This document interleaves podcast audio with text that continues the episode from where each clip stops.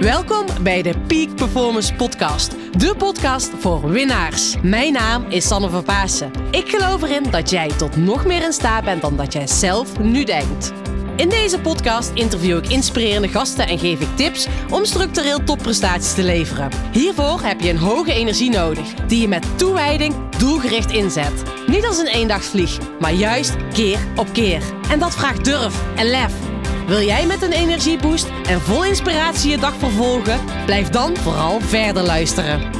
Come on and move your body now and feel the energy of life.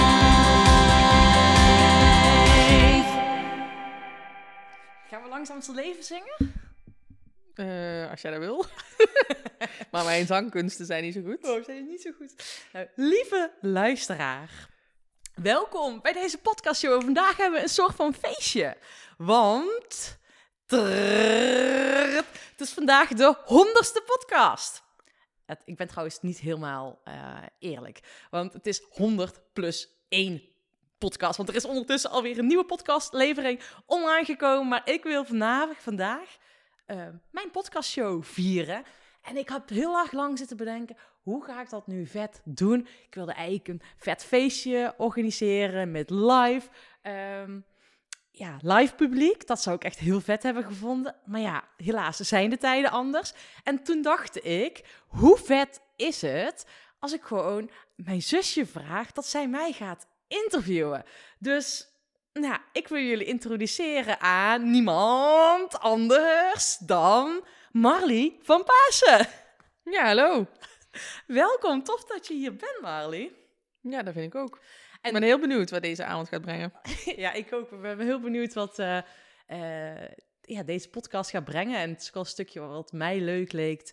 nou ja, om terug te blikken, zeg maar. Maar dat, zometeen geef ik al een beetje het woord aan jou. Maar we gaan er gewoon een heel mooi gesprek van maken. Een stukje terug te blikken naar, hè, naar 100 podcast-afleveringen. Ehm, maar ook een stukje terug te blikken van, joh, de, ja, weet je wel, het, mijn ondernemerschapsavontuur, die eigenlijk al op heel jonge leeftijd is begonnen. Hè, omdat ik eigenlijk al in mijn sportcarrière ondernemer was natuurlijk. Ehm, maar ik ben natuurlijk ook wel gewoon een stukje eh, nieuwsgierig, ook wel een beetje naar jou. Ehm, want je hebt mij natuurlijk gewoon meegemaakt, eh, heel mijn ontwikkeling. Of ja, je bent wel een aantal jaren jonger. Maar vertel eens eerst even een stukje over jezelf, Marley. Wie ben je? Ehm, nou, dat weten de meeste mensen, mijn zusje van mij. Maar vertel eens even iets meer achtergrondinformatie. Nou, ik eh, ben Marley van Pasen. Ik ben eh, zusje van Sanne.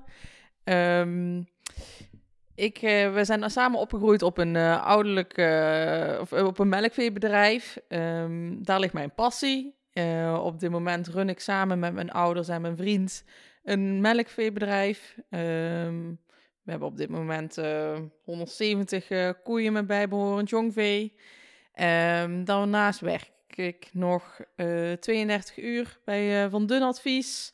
Eh, daar zit ik in de vergunningen. Ehm, ja, Wat vind je het leukste om te doen? Want mijn vraag is altijd aan mijn gasten is van waar krijg jij het meeste energie van? waar krijg ik de meeste energie van? Om lekker tussen de koeien te zitten. Gewoon eh, buiten aan het werk te zijn, eh, met dieren bezig te zijn. Ehm, ja, te zorgen voor. Ja, En waar dan voor te zorgen? voor de koeien. Voor de koeien. Ja. Ja. ja. Dat ze gewoon eh, lekker in zijn vel zitten en melk geven. Ja, mooi. Ik moet zeggen, want dat is wel ook iets wel dat, ehm, hè, wat ik heel erg ook vanuit thuis heb mee heb gekregen met, hè, met onze ouders, is ook wel het stukje, als je ziet met hoeveel passie eh, zij hun werk doen. En dat ik van vroeger ook nog wel eens weet, als dan eh, de koeien ziek waren of dat, hè, dat, dat het achter in de stal niet helemaal liep, hoe chagrijnig ons papa altijd was. Ja, zakkerijnig. Ja, ik weet niet of zakkerijnig het goede woord is, maar meer eh, de echt zorgen maken om. Ja, En dat je dan gewoon eh, je daar zo druk over kan maken dat je daarom niet zelf lekker in je vel gaat Ja. zitten. ja. En dat je dan eh, ja, prikkelbaarder bent. Ja, dat is eigenlijk het goede. Dat je gewoon eigenlijk ziet dat iemand zorgen heeft om. En dat vind ik ook altijd wel, ja, dat, dat vind ik altijd wel heel erg mooi. Dat, dat ja, nou ja, jij hebt dat ook helemaal van, on- ja, onze ouders natuurlijk ook van om voor die beesten te zorgen. Dus dat is wel heel erg mooi om te zien. Ja. Hey, heb je nog andere passies? Schilderen. Schilderen. Ja, ik schilder heel graag. En eh, af en toe doe ik dat te weinig. Of creatief bezig zijn, dat is gewoon een betere woorden. Want eh, kaarten maken vind ik ook heel leuk. eh. ja, gewoon Ja. even nergens aan denken en gewoon lekker bezig zijn. Ja, lekker buiten bezig zijn, maar ook creatief bezig zijn. Het is voor jullie, als je nu zit te luisteren, is het misschien wel leuk om te weten. Marley en ik zijn dus op die boerderij opgegroeid, dat heb je ondertussen gehoord. Maar wij zijn met z'n vieren thuis. Ik ben de oudste ehm, en Marley is de jongste. En daarnaast hebben we nog twee andere zusjes, Willeke en Fanny. Met vier meiden zijn we thuis, dus dat is altijd wel ehm, ja, heel erg mooi geweest. Ehm Marley, voordat ik het hef over ga nemen, want dat is wel iets wat ik heel graag doe natuurlijk, is het eigenlijk de beurt aan jou. Yes, gelukkig. Dan heb ik het toch een keer.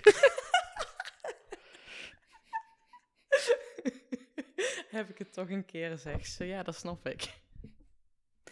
Nou, Sanne, je hebt er ehm 99 of dan 100, hè, waar je straks al zei, eh podcasters gehad.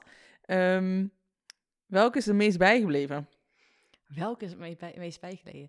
Ja, misschien is het wel een oneerlijk antwoord, hè? Want, ehm, kijk, omdat, ik weet niet of dat echt is omdat dat een van mijn laatste podcast-interview is, is geweest. eh, of dat om- komt omdat een thema dat mij heel veel raakt. Is, dat zei ik net al voordat wij de recorder aanzetten, is de podcast met Els van Stijn.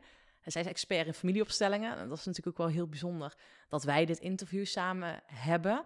Ehm, maar dat interview was gewoon echt een heel mooi, bijzonder gesprek. En het fascineert mij gewoon. ehm, weet je, ik wil mensen helpen om een ander een topprestatie te laten leveren, om an- iemand anders te laten winnen. En in mijn ogen win je als je echt het beste uit jezelf haalt. En ehm, nou, vaak hebben we dan het nodig om bepaalde patronen te doorbreken. Want we doen vaak dingen omdat we dat doen en omdat we dat gewend zijn. En vanuit vroeger uit zijn we op een bepaalde manier ge, nou, geprogrammeerd. is misschien wel heel zwaar, maar gewired. Hè? Is, is, vanuit onze opvoeding dingen ingesleten.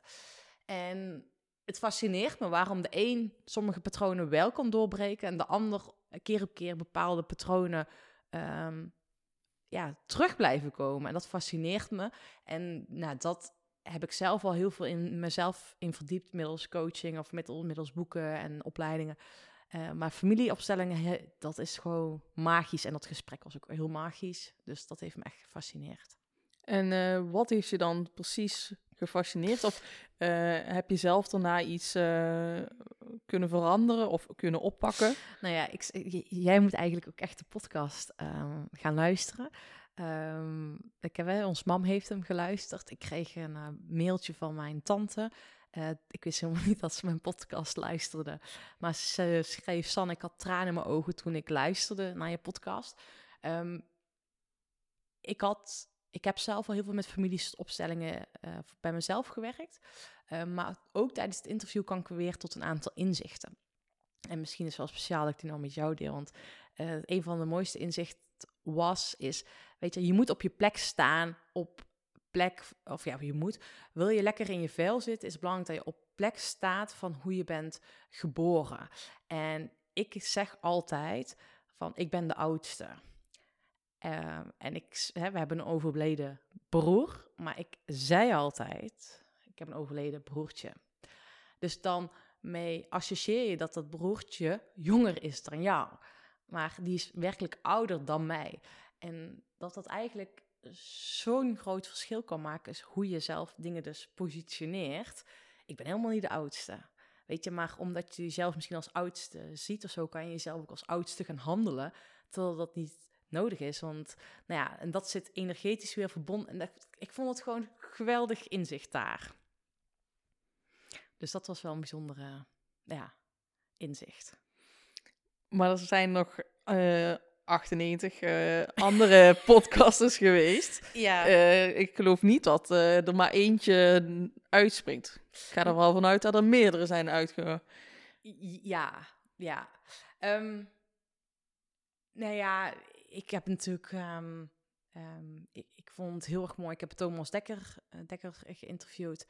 Ehm, dat vond ik gewoon een hele mooie, magisch interview. Heel persoonlijk. Die is echt heel erg eh, die komt echt meteen top of mind. Eh, ik heb Paul Rulkens geïnterviewd en hij is echt nummer één high performance coach van Nederland. Gewoon heel bijzondere man. eh echt connectie meegemaakt. Spetterend. Welke ook echt gewoon vuurwerk was, was de podcast met Remco Klaassen. Remco Klaassen, echt een veel gevraagd spreker. En ja, het, was gewoon heel bijzonder. En waarom was dat bijzonder?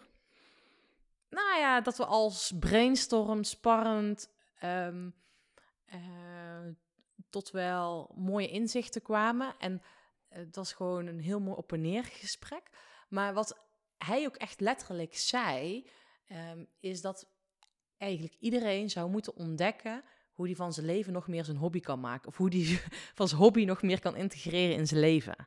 Dus hè, het is eigenlijk misschien wel mijn missie dat andere mensen nog meer van hun hobby hun werk gaan maken. Want als je van je hobby je werk maakt, doe je iets wat je leuk vindt. En als je iets doet wat je leuk vindt, kost dat geen energie en voelt dat moeiteloos.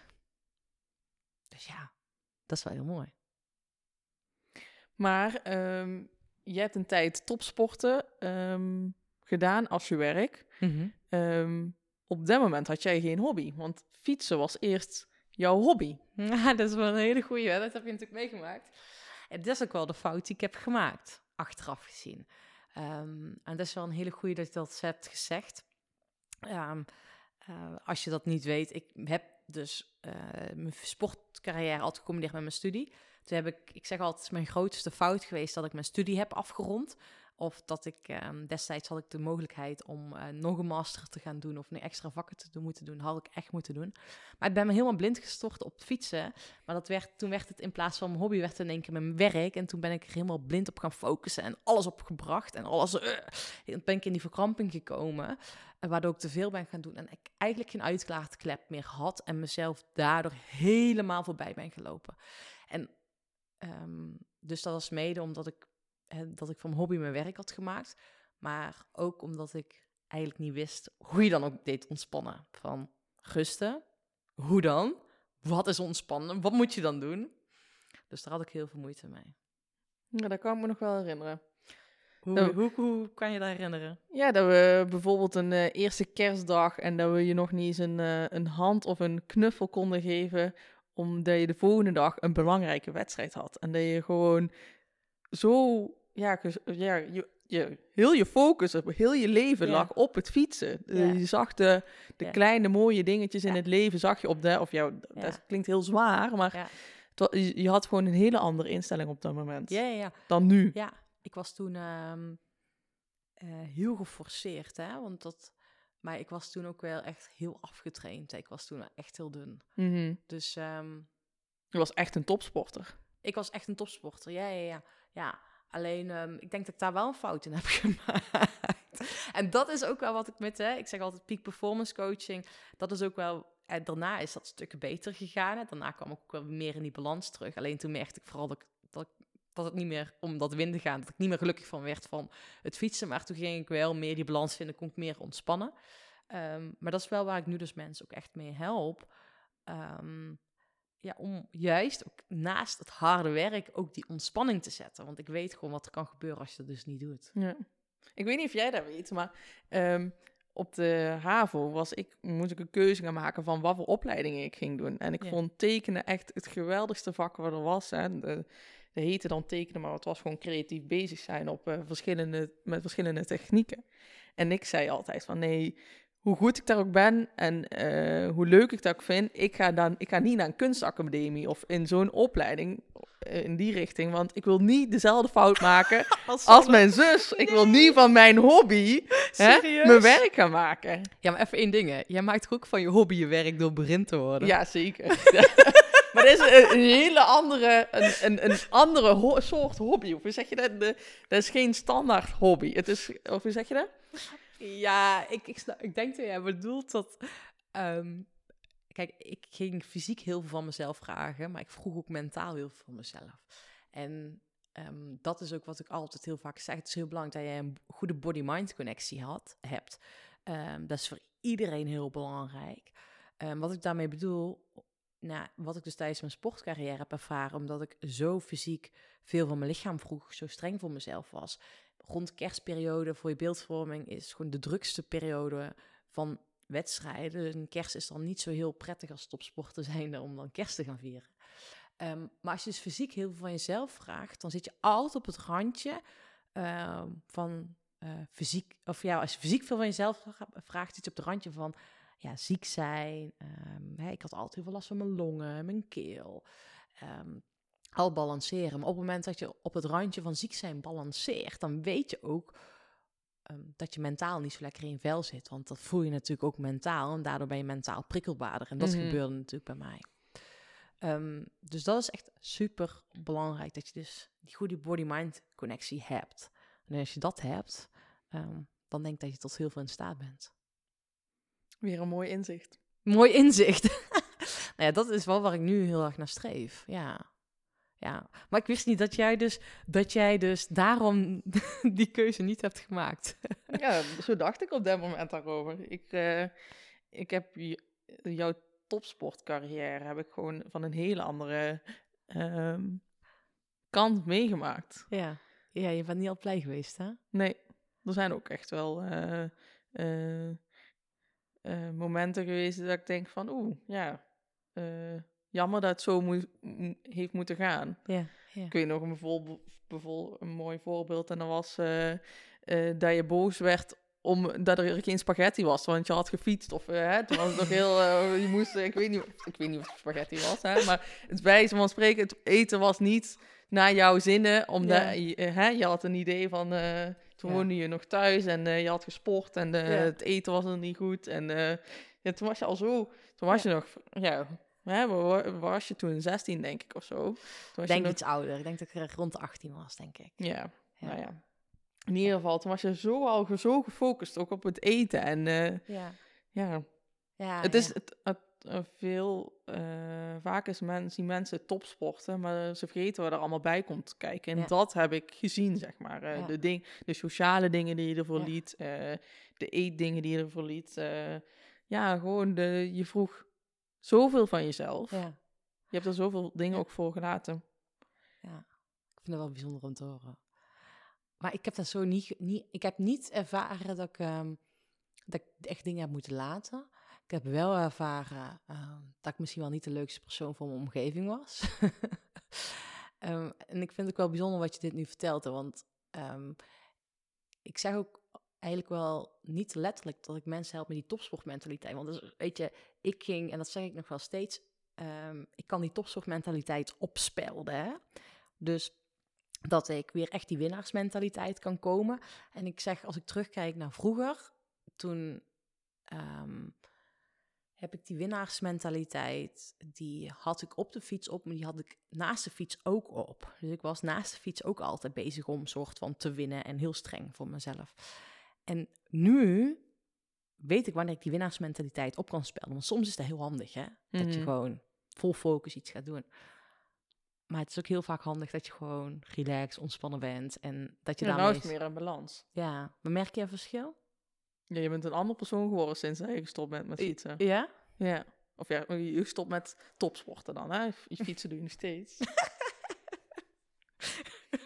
Ja, maar... Ook nog zo'n voorbeeldje. Dat mensen dan vragen van, ben je het zusje van? Eh, en dan zeg je, ja, ik ben het zusje van. Hè? Of nee, dan zeg ik altijd, eh, nee, ik, ben Sanne is een zus van mij. en dan de volgende vraag was, eh, doe jij ook fietsen? En ik altijd zei, ja, naar school en terug. ja. oh. ja, dat is, dat is wel bijzonder. Maar pas hebben ze ook wel gevraagd, ben je het zusje van Mali? Ja, ik ben de zus. Oh nee, de zusje. Ik ben de zus van Mali. Vroeg daar iemand aan jou? Dat is ook mooi, zo een keer te En dat was ook pas toch met jouw studieclub dat ik iets voor jou had gedaan. Ja, ja, Ja. ja. Ja. Dat is ook tof. Ja. Maar kijk je er alleen negatief op terug? Nee, want het heeft ook heel veel mooie momenten gebracht. Ja. Ehm, ja, dat we als gezin zijn en naar jouw wedstrijd gingen kijken. En eh, eh, dat je er samen trots bent. En dat je een mooie wedstrijd... eh, ehm, ja, dat je een mooie prestatie neerzette. En eh, dat heel verlierde uit was gerukt. En dat je met een bus erheen ging. En Nou ja, dat ik heb er ook mooie mensen leren kennen daardoor. En, ja. Ja. ja. Ja. Welke wedstrijd was het mooiste? Je de wereldbeker won. Ah ja, ja. ja En ik heb, eh, we hebben heel erg eh, een mooi ritje gehad toen we de EK in ehm, Italië. Toen zijn wij eh, zaterdagochtend Oh ja. aangereden. Ja. Toen zijn we zaterdagavond er aangekomen. Ik weet, het enige wat ik kan me herinneren is dat we een klein rondje hebben gelopen, een pizza hebben gegeten en naar bed zijn gegaan. En de volgende ochtend, vroeg was die wedstrijd. Volgens mij kreeg jij een klapband en was die wedstrijd een flop. En- Nee, dat was echt een van mijn beste wedstrijden. En toen reed ik dat er een gultje in. En toen was ik op punt om Europees kampioen te worden. In een laatste ronde. En toen reed ik mijn eh, wiel kapot. Kon ik niet meer. Was ik vijfde. Nou ja, dat was een grote teleurstelling. Maar vervolgens Ja. reden we weer naar huis en eh, kwamen s'avonds laat eh, thuis aan. Ja. En de volgende ochtend zat ik weer op school. Ja, Ja. het was echt... Wat heb je van het weekend gedaan? Ja, ik ben naar Italië geweest. En als je er zit te luisteren en je denkt... Ja, we zijn dan even, op en neer gereden naar Milaan. Nee, dat was niet Milaan, dat was Lucca. En dat is eh, volgens mij Toscane. Nee, dat is in Toscane. Dus het was echt rete ver weg. Ja, Zijn hun op en neer gereden. ja. Maar ja, papa en mam zijn ook voor een dag naar ehm, Treviso toegevlogen. ja. En, eh, En we zijn ook voor een dag naar Londen op en neer gegaan voor het... eh Oh ja, was ook een EK. ook over een. Europees kampioenschap Ja. zijn we ook voor een dag heen geweest. Ja, dus... Ja, s ochtends heen gevlogen, s'avonds terug. Ja, echt gewoon... Oh ja, ook dat, ja. Ja, Ja, toen was Irma nog mee. oh ja. Oh, een vriendinnetje van mij. Ja, dus oh, dat is wel best wel bijzondere dingen.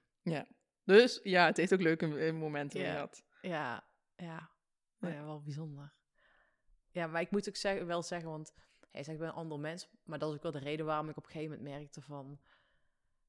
ehm, daar heb ik die ook al vaker in de podcast over gehad. Dat ik gewoon merkte van, weet je, het is tijd voor wat anders. Ik heb gewoon een andere missie, een andere drive om hè, te doen wat ik nu doe. Vind ik gewoon, daar haal ik ook zoveel energie uit. En dat is gewoon heel anders. Ja, maar ehm, voor je omgeving ben je gewoon een superleuk persoon eh, geworden. of hoe zeg je dat? Ja. Eh, je staat, bent gewoon veel... eh, eerst was je zo gefocust op je topsport en nu ben je gewoon... Sta je open voor de mooie dingen in het leven, maar ook de gezellige dingen en de leuke dingen. Dus dat is heel positief. Ja, mooi. Hey, maar we gaan het over die honderdste podcast, hè? Ja. Wa- welke is... eh, je hebt het net over geïnspireerd gehad, eh, maar waar heb je het meest van geleerd? Ehm, ja, dat is he- heel. Nou, misschien wel gewoon ook. Sowieso van de interviews, maar ook wel van podcasten op zich. Ehm, want ik had er pas nog met een van mijn klanten over. En Robert, als je luistert, bij deze even een noot eh, aan jou. Ehm, een van mijn klanten, ehm, daar had ik het over.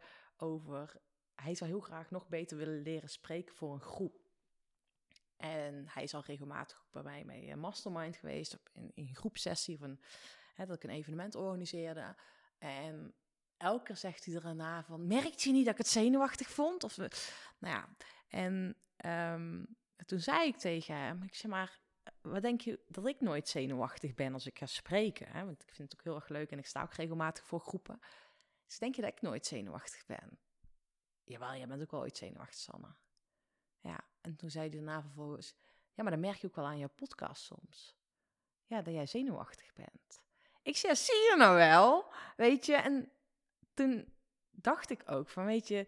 ehm, kijk, het podcasten op zich en andere mensen interviewen... ehm, is ook een vak apart. En daar leer ik natuurlijk ook heel erg veel van. Ik leer natuurlijk heel veel van wat die mensen vertellen... Ehm, maar ik had het net al even over die body-mind connectie. En dat herken je misschien wel nu als jij, nu ben jij de interviewer. Ehm, maar je kan dan wel, je bent eigenlijk het, het gesprek aan het luisteren. Maar je bent ondertussen ook bezig. Ja, hoe kan ik het waardevol maken voor, eh, voor de luisteraars? En oeh, welke vraag moet ik eigenlijk nu zo meteen gaan stellen? En oeh, hij, hij, wijdt wel heel erg lang uit. Oeh, eh, ja, wanneer kan ik hem afkappen? Ja, dus wel een beetje te lange uitweiding. en zo zit ik af en toe in mijn hoofd, weet je wel. En eh, ik weet gewoon, als ik dat dus... Als die stemmetjes opkomen, dan is je ego aan het woord. En dan ben je niet meer in het hier en nu aanwezig. En dan weet ik eigenlijk dat ik gewoon terug moet naar gewoon het luisteren. En gewoon de flow van het gesprek. Dus dat heeft me wel sowieso aan het podcasten op zich. Is dat elke keer weer een oefening. Dus dat heb ik er wel heel erg van geleerd. Ehm, maar wat ik nog meer heb geleerd is eh, van Nicolien eh, Power. Eh ze zangeres. Zij heeft de intro van deze podcastshow heeft zij ingezongen. En Nicoline die zei tegen mij van... Sanne, jij bent toch een ex-topsporter, hè? Die podcast maken, dat is ook topsport. Ik sowieso. Ja, je moet je wel echt heel goed materiaal doen. Want hoe je dat nu doet... en toen deed ik het gewoon met mijn telefoon en twee losse oortjes of twee losse microfoontjes. En deed ik het gewoon via mijn telefoon opnemen. En toen zei ze dat tegen mij en toen dacht ik echt... Oh ja, ze heeft ook echt gelijk. Ook een stomme doos dat ik ben. Ik denk, ja, en ik, ik heb. Ja, jij weet dat ik heb eigenlijk niet zo heel veel met muziek en zo en met geluid. Ik denk, ja, het zal allemaal wel. Maar ik ben het dus steeds professioneler gaan eh, eh, doen. En ook, ja, ik heb een editor en nou ja, het het is best wel serious business. Nou, dat, dat heb ik daar wel echt wel door geleerd. Mooi om te horen. Ja. Ja. Dat je veel hebt geleerd. Ja, en ik denk ook nog andere dingetjes hoor. Ehm, zoals je ziet naar de e- allereerste podcast. En ik luisterde vandaag iemand anders zijn allereerste podcast. En toen dacht ik al meteen, oh ja, als je dan zeg maar 100 podcasts verder bent. Heb je je eerste nog ooit zelf teruggeluisterd? Of laatst, hè? De... nee, die heb ik niet meer teruggeluisterd. Misschien moet je dat eens een keer doen. Ja, dat is wel een hele goeie. Hij gaat over de kracht van visualiseren. Daar weet ik dat de eerste podcast over gaat. En de tweede weet je het ook nog? Volgens mij ben ik daar mezelf gaan voorstellen. Oh, had je daar niet mee moeten beginnen? Jawel, maar ik... Toen was het al te laat. Ja, dat is gewoon een beetje zo'n... Is dat een van je blunders of eh, heb je nog een andere blunder? Ik heb volgens mij een blunder dat ik ooit een podcast oplevering, aflevering heb opgenomen. Dacht ik. Maar dat ik hem niet had opgenomen. En toen? Hoe heb je dat opgelost? Niet. Die is nooit verschenen. Ja, die is nooit... dus eigenlijk is het nou 101 of 2. Ja, inderdaad. Zo is dat. Nee, dat is wel mijn, ehm, mijn blunder, ja. Dat... Doe je het daarom nou ook nog extra opnemen met je telefoon? Ja, aldoende leert men, zullen we zeggen. Heb je nog andere leuke blunders? Ehm nou ja, ik denk dat het allergrootste is, weet je, dat ik dat... ehm, ja, oh ja, en, nou ja, blunders. Ehm, ik ben natuurlijk heel Nederland afgereisd en ik merk wel, ik vind live podcast het allerleukste. Dat waarschijnlijk nu, omdat we nu in deze periode mensen niet live kunnen zien. En wij zitten anderhalve meter uit elkaar. Maar omdat wij mensen niet live kunnen zien, ehm, ben ik wel podcast op aan nemen via Zoom. Oh ja? Dus dat kan ook, alleen dat is wel andere kwaliteit. En ik merk gewoon, dit is wel extra leuk. Mhm. En weet je wat ik nog het beste vond? Nee. Dat ik gewoon hier soort van naar mijn achterbuurman ging. Ja? Weet je wie dat is? Ja. Ja? Daar hebben we net al naar eh, zitten luisteren. Ja, wij, ik ben. ehm, we hebben eh, hier in het dorp, hè, Vlieren is enorm groot. En hier in het dorp hebben wij een hele goede pianist. Eh, hij werkt op conservatorium Martin Maas en hij is dirigent. En nou, het is echt een waanzinnig. ehm, ja, echt, als je iets over topprestaties hebt, dan is hij het. Hij, weet je, hij begeleidt alle ehm, studenten die afstuderen, begeleidt hij met het, zijn pianomuziek. Dus ehm, nou al die studenten moeten natuurlijk gewoon op het conservatorium afstuderen. Dus het niveau ligt daar heel hoog. Maar hij is dan tegelijk een aantal ja, ehm, partijen, of hij noemt dat, hij noemde dat op een speciale woord, is hij dan in aan het studeren. Dat is dan gewoon zijn werk, dat hij gewoon, weet ik veel, zes of zeven partijen tegelijk langs elkaar allemaal instudeert. En dan moet hij op die top performen voor al die studenten om die gaan afstuderen. Hij heeft ook top sport. Ja, definitely. Topsport, alleen dan met, eh, met muziek. Maar hij ging dus gewoon een live concert voor mij geven in de podcast. En dat is heel vet. Dus dat was een van de mooiste momenten. Ja, dat was ook echt een heel bijzonder moment.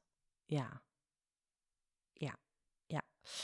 Ja, ik vond ook de podcast met eh, Edwin de Wolf super bijzonder. Met die man ik echt gewoon een klik. Eh is een militair en die heeft een been verloren in Srebrenica. Ehm Kampioen op één been heet zijn boek. En ik hoop hem eigenlijk nog binnenkort, moet hem gewoon even zo'n berichtje sturen, binnenkort een keer te zien.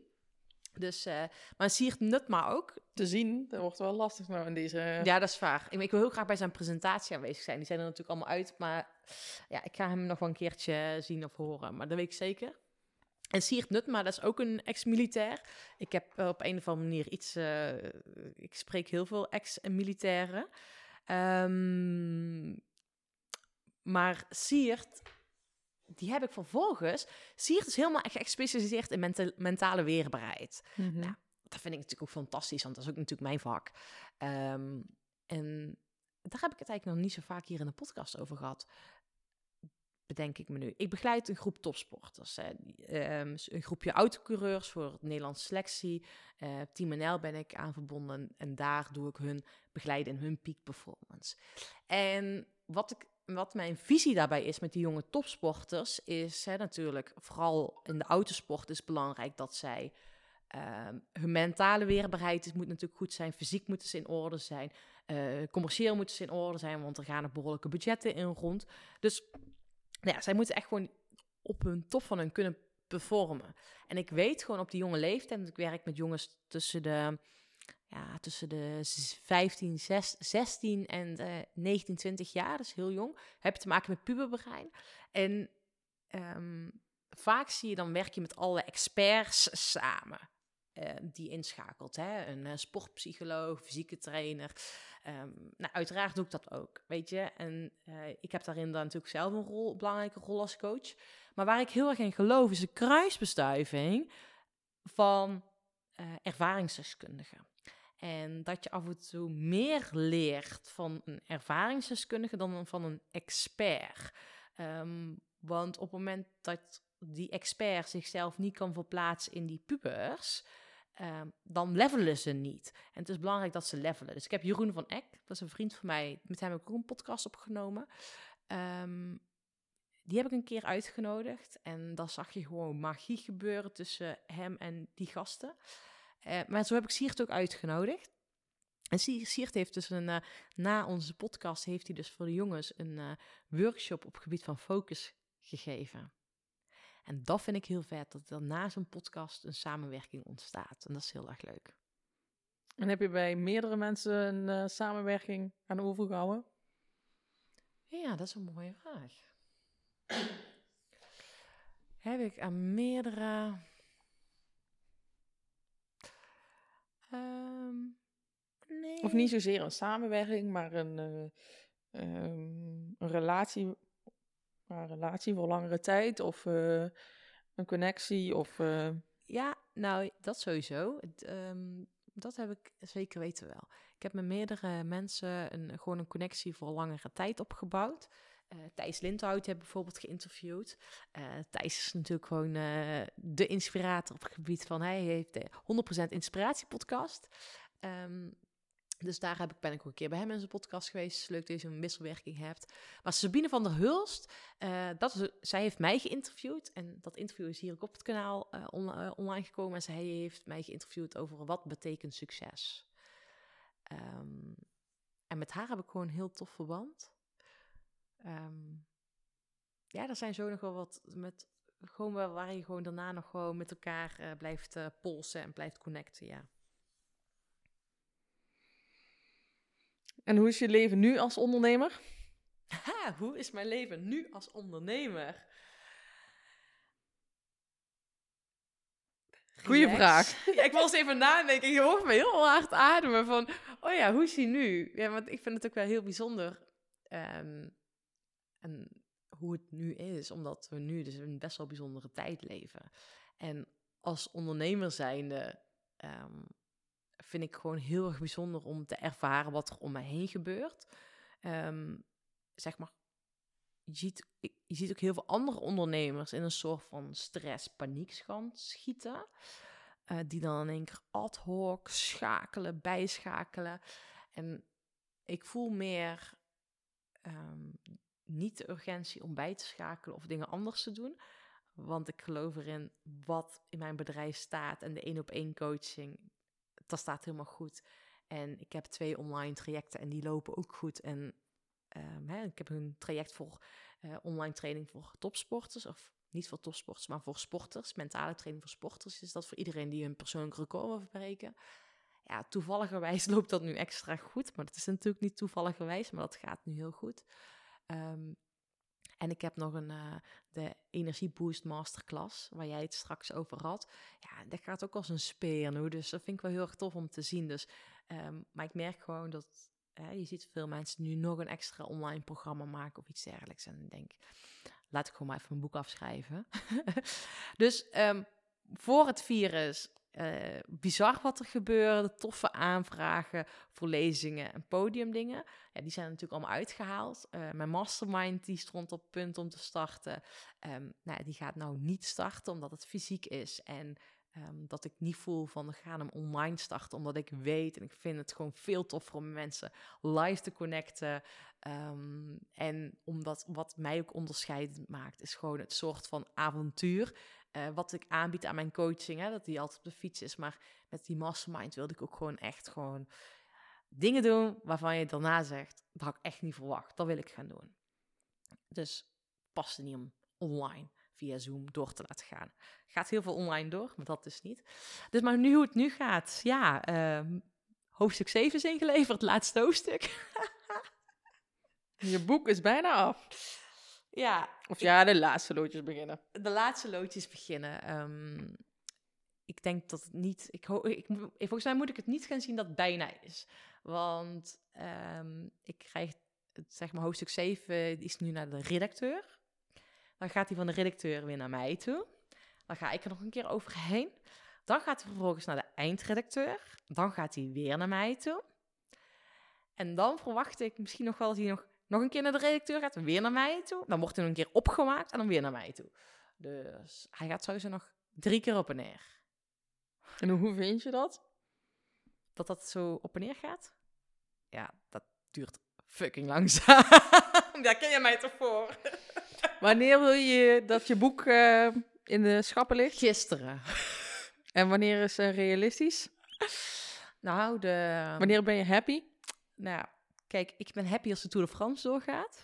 Want hij komt voor de Tour de France uit. Oh? Ja. Is dat je doel? Ja, dat is mijn doel. En eh dan gaat het jou lukken. Als die Tour de. France doorgaat, dan is jouw boek sowieso uit. Ja. Ja, En dat is de deadline met de uitgever. Oh? Ja.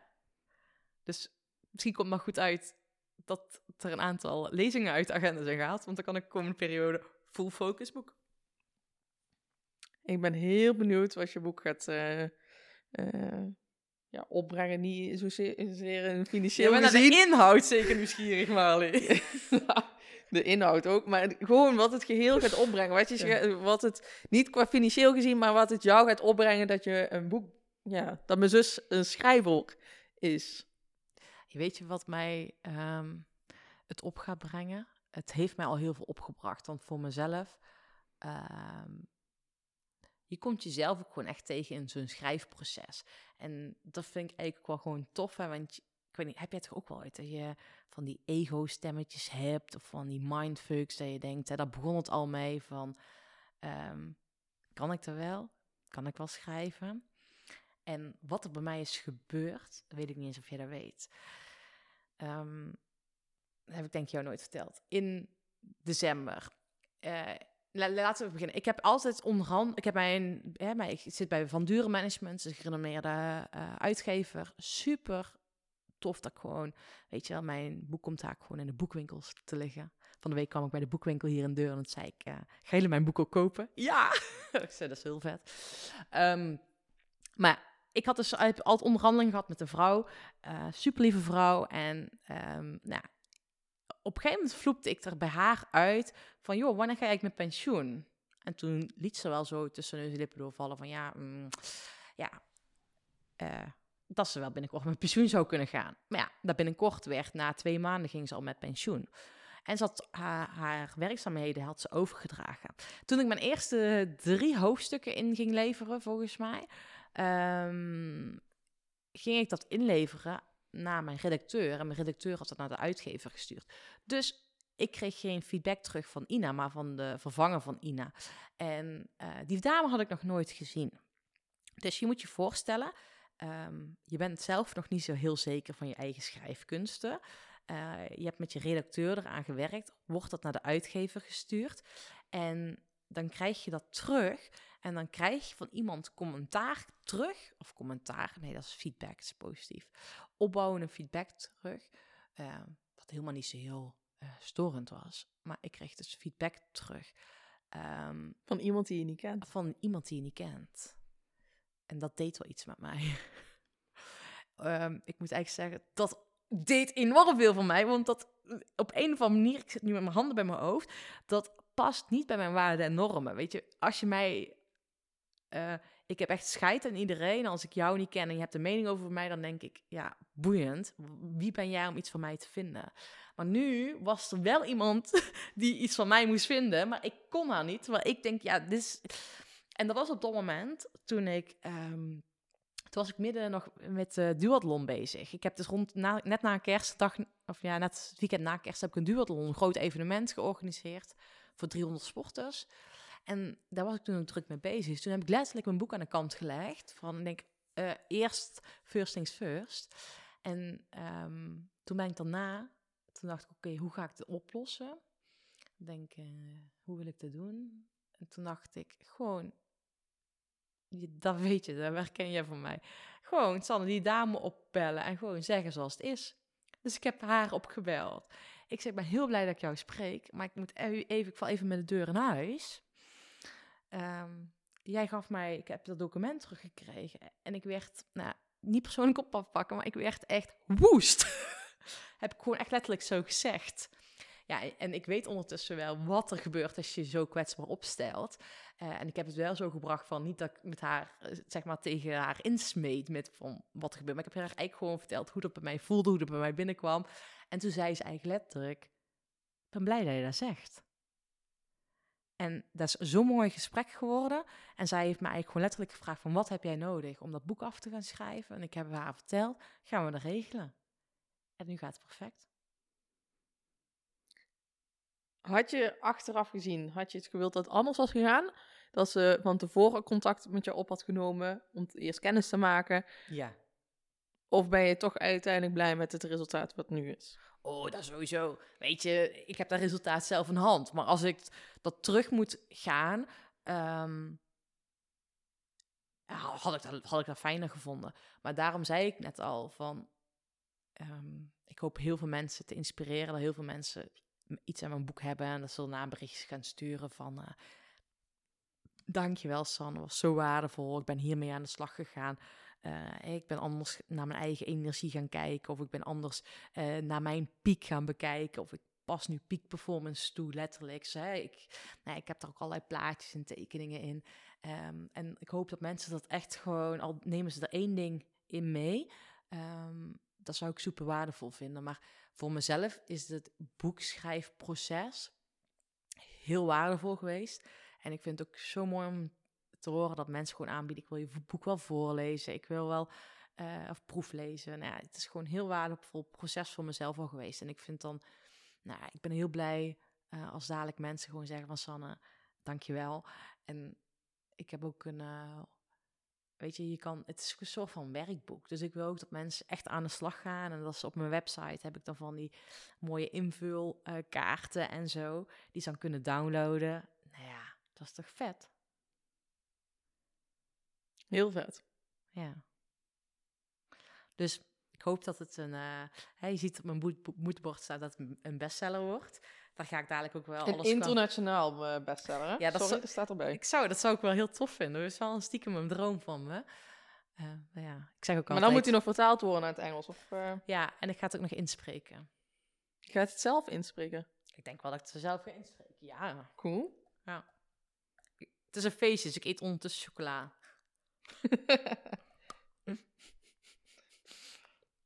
Waar staat er boven, Sanne? Boven op je moodboard. Doe maar bijzonder. Ik kwam hier eh, binnen bij Sanne en toen zag ik een doos met eh, nieuwe kaartjes. En er stond op. Doe maar bijzonder. En dat is, we zijn eigenlijk opgevoed met doe maar normaal. Dat is al gek genoeg.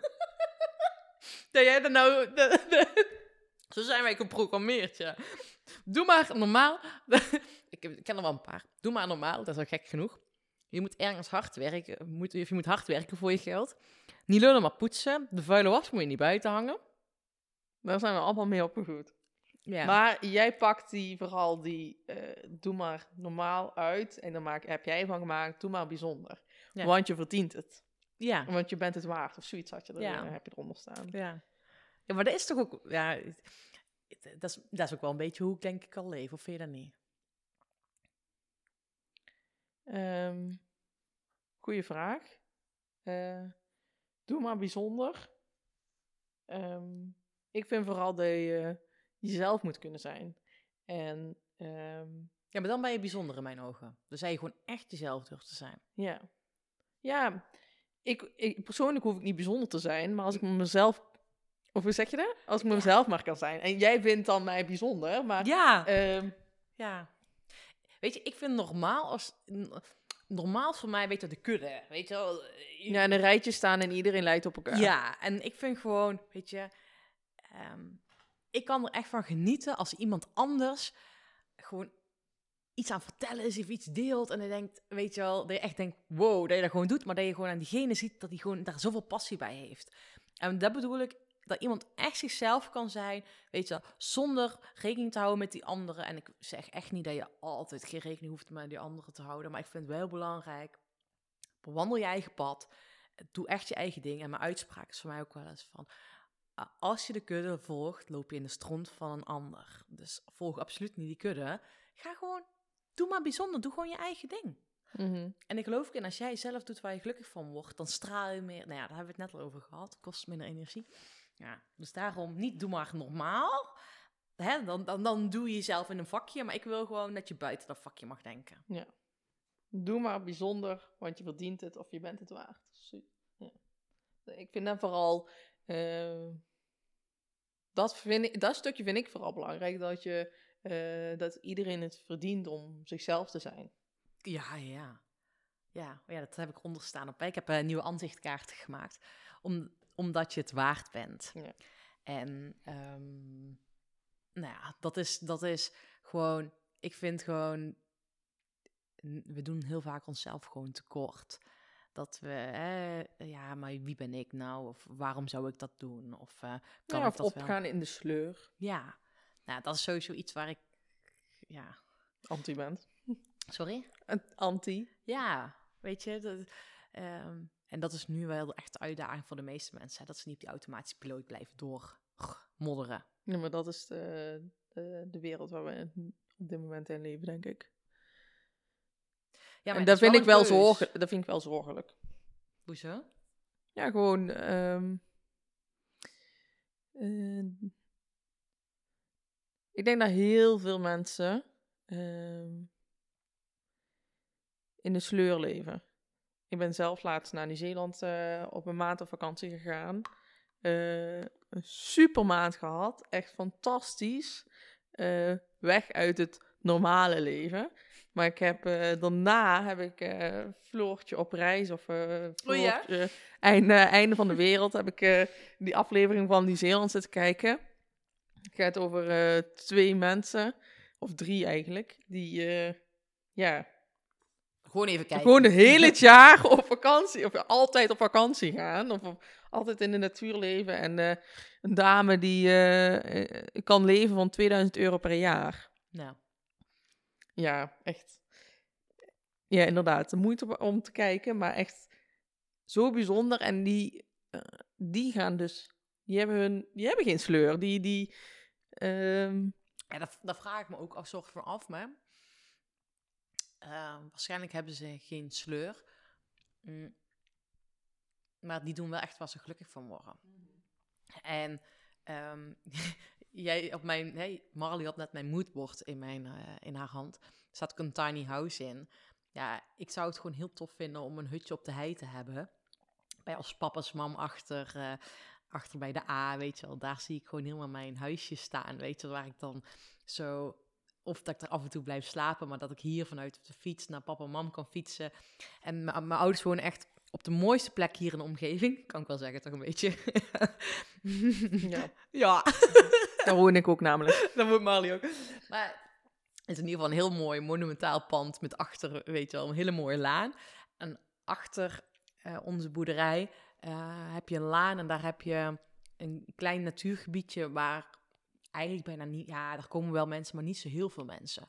En er loopt heel mooi, eh, ja, de Oude A heet dat, een heel mooi kronkelriviertje. Nou, het is gewoon een heel bijzondere plek. En daar zou ik achter, we hebben daar namelijk eh, land. En daar zou ik heel graag een tiny house willen. Zou ik heel vet vinden. Langs het bos van jullie.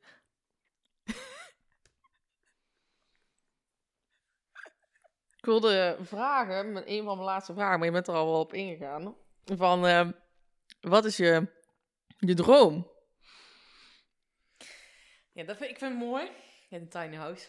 Ehm, maar mijn droom. Ja, ik zeg altijd, je moet smooth dromen. Simpel, meetbaar, onrealistisch, tijdsgebonden en hilarisch. Ja. Dus ik vind eigenlijk dat je groots moet denken. En echt heel groots. Ehm, en dat je eigenlijk een beetje oncomfortabel bij voelt over die droom. Ehm, want ik zeg altijd, if a dream doesn't scare you, it's not big enough. Waarom da- daag ik, hè, dus als je nu aan het luisteren bent, wil ik je er echt over nadenken. En vooral koop mijn boek, want daar vertel ik uit, ook in waarom ik daar zo over nadenk. Ben je Ehm, nou reclame aan het maken? Ja, zo ben ik. Zo maar- ben jij niet, Sanne. zo ben je niet. Ja, doe ik wel gewoon even tussendoor. Zo ken ik Sanne eigenlijk niet. nee, ah, ik doe het gewoon even sluikreclame. Maar, ehm je raakt me helemaal op apropos. Maar in ieder geval, ehm, als je dus die droom groots maakt, dan ga je over dingen nadenken dat je denkt, ah, dat weet ik niet. En eh, ja, oh, dat zou wel tof zijn, hè, weet je, maar dan krijg je een beetje een oncomfortabel gevoel. Maar het gaat erom dat je dus die droom zo groots maakt en dat je dan dezelfde vraag stelt, als ik het allemaal heb gerealiseerd, hoe voel ik me dan?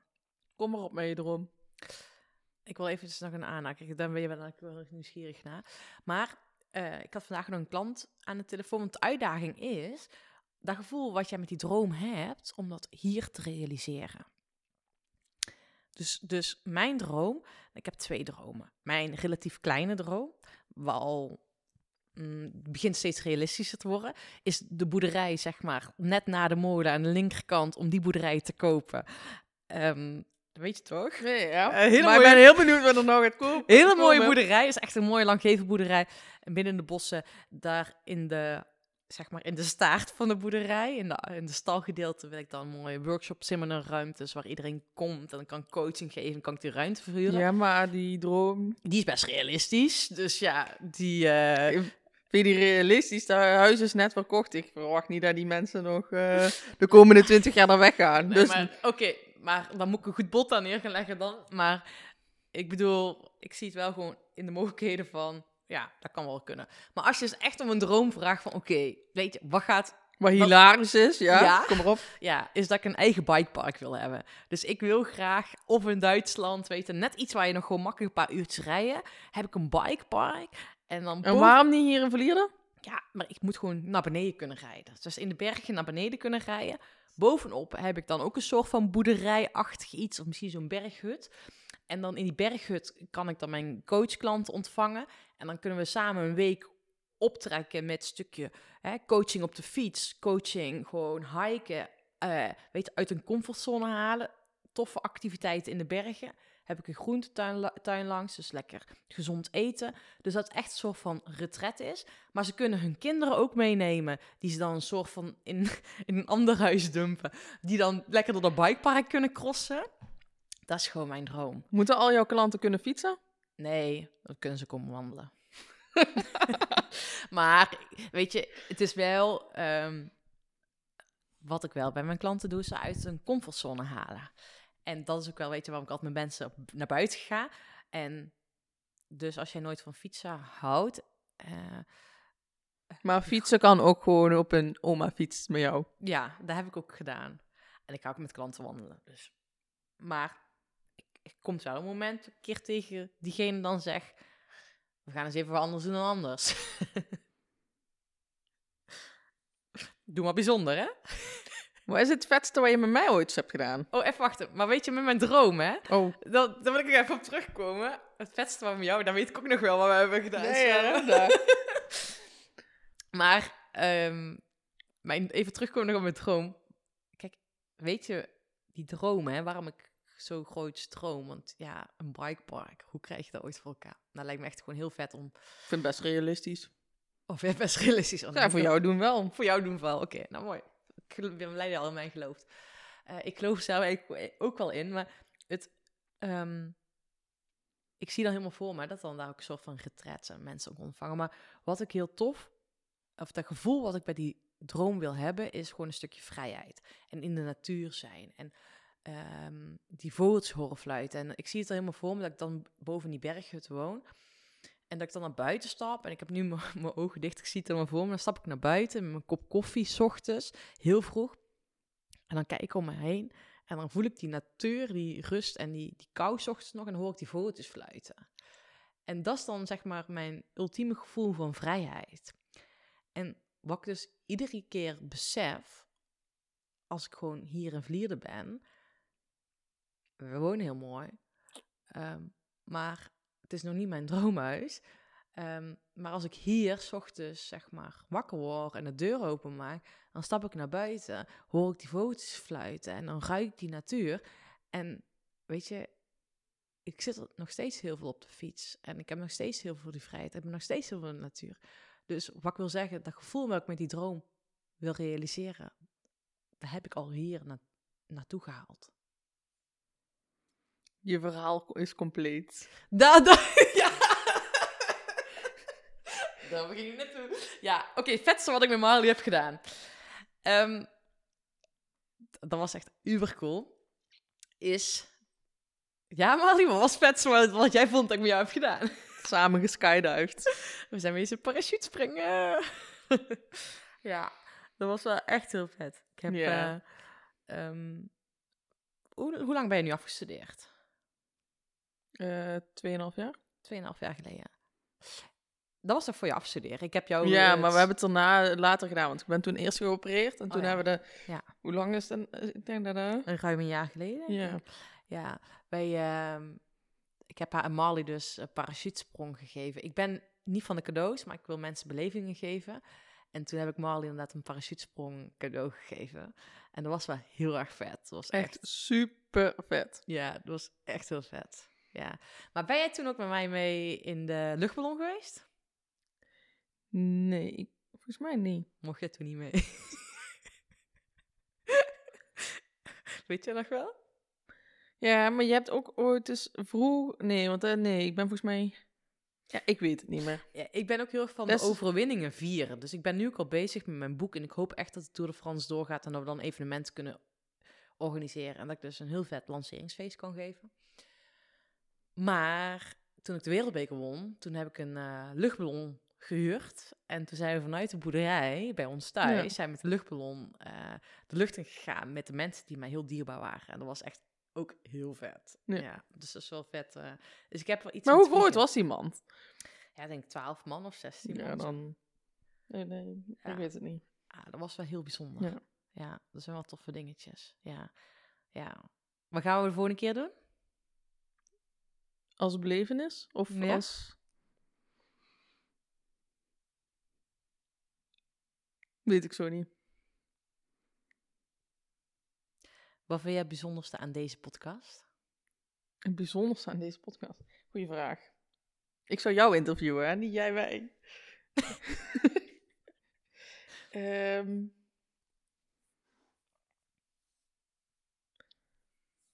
Ja, weet ik eigenlijk niet. Ik vind het gewoon in het geheel. ehm, wij kunnen gewoon heel fijn kletsen. Eh, ehm, kletsen over gewoon luchtige dingen, maar ook over serieuze dingen. En ehm, dat vind ik heel dierbaar. Ja. En er zijn ook momenten dat jij mij wil coachen, zeg ik tussen aanhalingstekens. en ehm, er zijn momenten dat ik dat heel goed kan handelen. En er zijn ook momenten dat ik het totaal niet... Dat ik weet dat je het juiste zegt, maar dat ik het gewoon niet kan Ontvangen. ontvangen. Omdat je gewoon... Het, in dat opzicht sta je te dicht bij mij. ja, ja. Ja, dat klopt. En in sommige gevallen gaat dat heel goed. In sommige gevallen dan... eh, Ja, maar dat, dat vind ik ook wel mooi van ons. Maar dat is denk ik wel inherent aan een zusjes familieband. Of hè, met degene wie je dichtbij staat. Dan eh, voel je heel snel van, zit niet lekker in de vel. Ik moet ook wel zeggen dat wij dat ook wel ons dus heel goed af kunnen stemmen, omdat we elkaar, we zien elkaar heel veel als we bij mijn ouders zijn. Dat, ik, al- dat we elkaar maar aan hoeven te kijken en dat jij ik zegt dat je zoiets hebt, ik moet eigenlijk niet te veel vragen vandaag. dat weten we ondertussen. Maar we hadden het straks ook over, en dat is ook wel mooi, dat we ook wel... ehm, nou, dat herkennen jullie toch allemaal wel, hè? Dat je met je zusjes of broertje, of wat dan ook, met je familie, dat je niet altijd op één lijn zit. En bij ons is het altijd gewoon, oké, maakt niet uit. Jij denkt er anders over. Prima. Ja. Oké. Ja, nou, is goed. Oké. Ja, en dan kunnen we ook op, gewoon op, een, eh, op een normaal niveau en dat we elkaar Ja. ook elkaars waarde laten over communiceren. ja. En eh, ja, daar ben, ik heel, daar ben ik heel dankbaar voor. Ja, ja, ja. Ja, maar dat is volgens mij ook wel het allermooiste van... Ja, ik, ik denk niet alleen met zusjes of met familie, maar ik denk... Ik vind dat juist heel belangrijk. Ik heb toch ook al van iemand anders ooit teruggekregen van... Een van mijn klanten, nee, niet voor, volgens mij ook, ook iemand in mijn kennisgekregen die zei van... San, ik vind het heel mooi dat je altijd zo iedereen zijn waarde laat. En Ja. ik, dat vind ik ook wel... eh, ja, hè, ook doe maar bijzonder. Ik kan ook wel zien eh, de charme ervan inzien als iemand anders een mening heeft of iets doet waarvan ik denk, jeetje, dat je dat doet. Eh, maar dan zie ik er ondanks dat toch mijn charme van in. Die doet dat wel. en daar heeft diegene zijn of haar motivatie in. En ehm, het mooie is, weet je, dat ik heb mijn pad, jij hebt jouw pad. En ehm, ja, we doen, hè, iedereen heeft zijn eigen pad om te ontdekken wat bij hem of haar past. Ja. Vet man, volgens mij hebben wij genoeg verteld. Ja. Thanks Molly. Graag gedaan. Jij ook bedankt. Ja, en eh, heb je nog eh, inspiratietips voor eh, wie ik moet gaan interviewen voor de volgende podcast? Nou, eh Basten zou ik zeggen een keer. Mijn vriend. ik heb serieus gevraagd of Basten mij zo ging gaan, of zou gaan interviewen. Die komt nooit niet zo heel vaak voorbij en die zegt nee. Nee. Basten is meer iemand van de achtergrond, ja. Ja. ja. maar ik vind het heel leuk dat jij... Maar misschien ons pap. Ik heb aan oma zitten denken ook. Oma is ook heel vet. Ja. Maar ons pap ook misschien. Ja. Ik weet niet of hij er heel erg voor open staat, meteen staat te springen. Maar eh, ja. als je het een keer nu al voorstelt en om over een maand een keer te Dan interviewen. weer een podcast 200, ons pap. Nee, 150. Ja, ik heb ook eh, oma heel lang gedacht. Ons oma.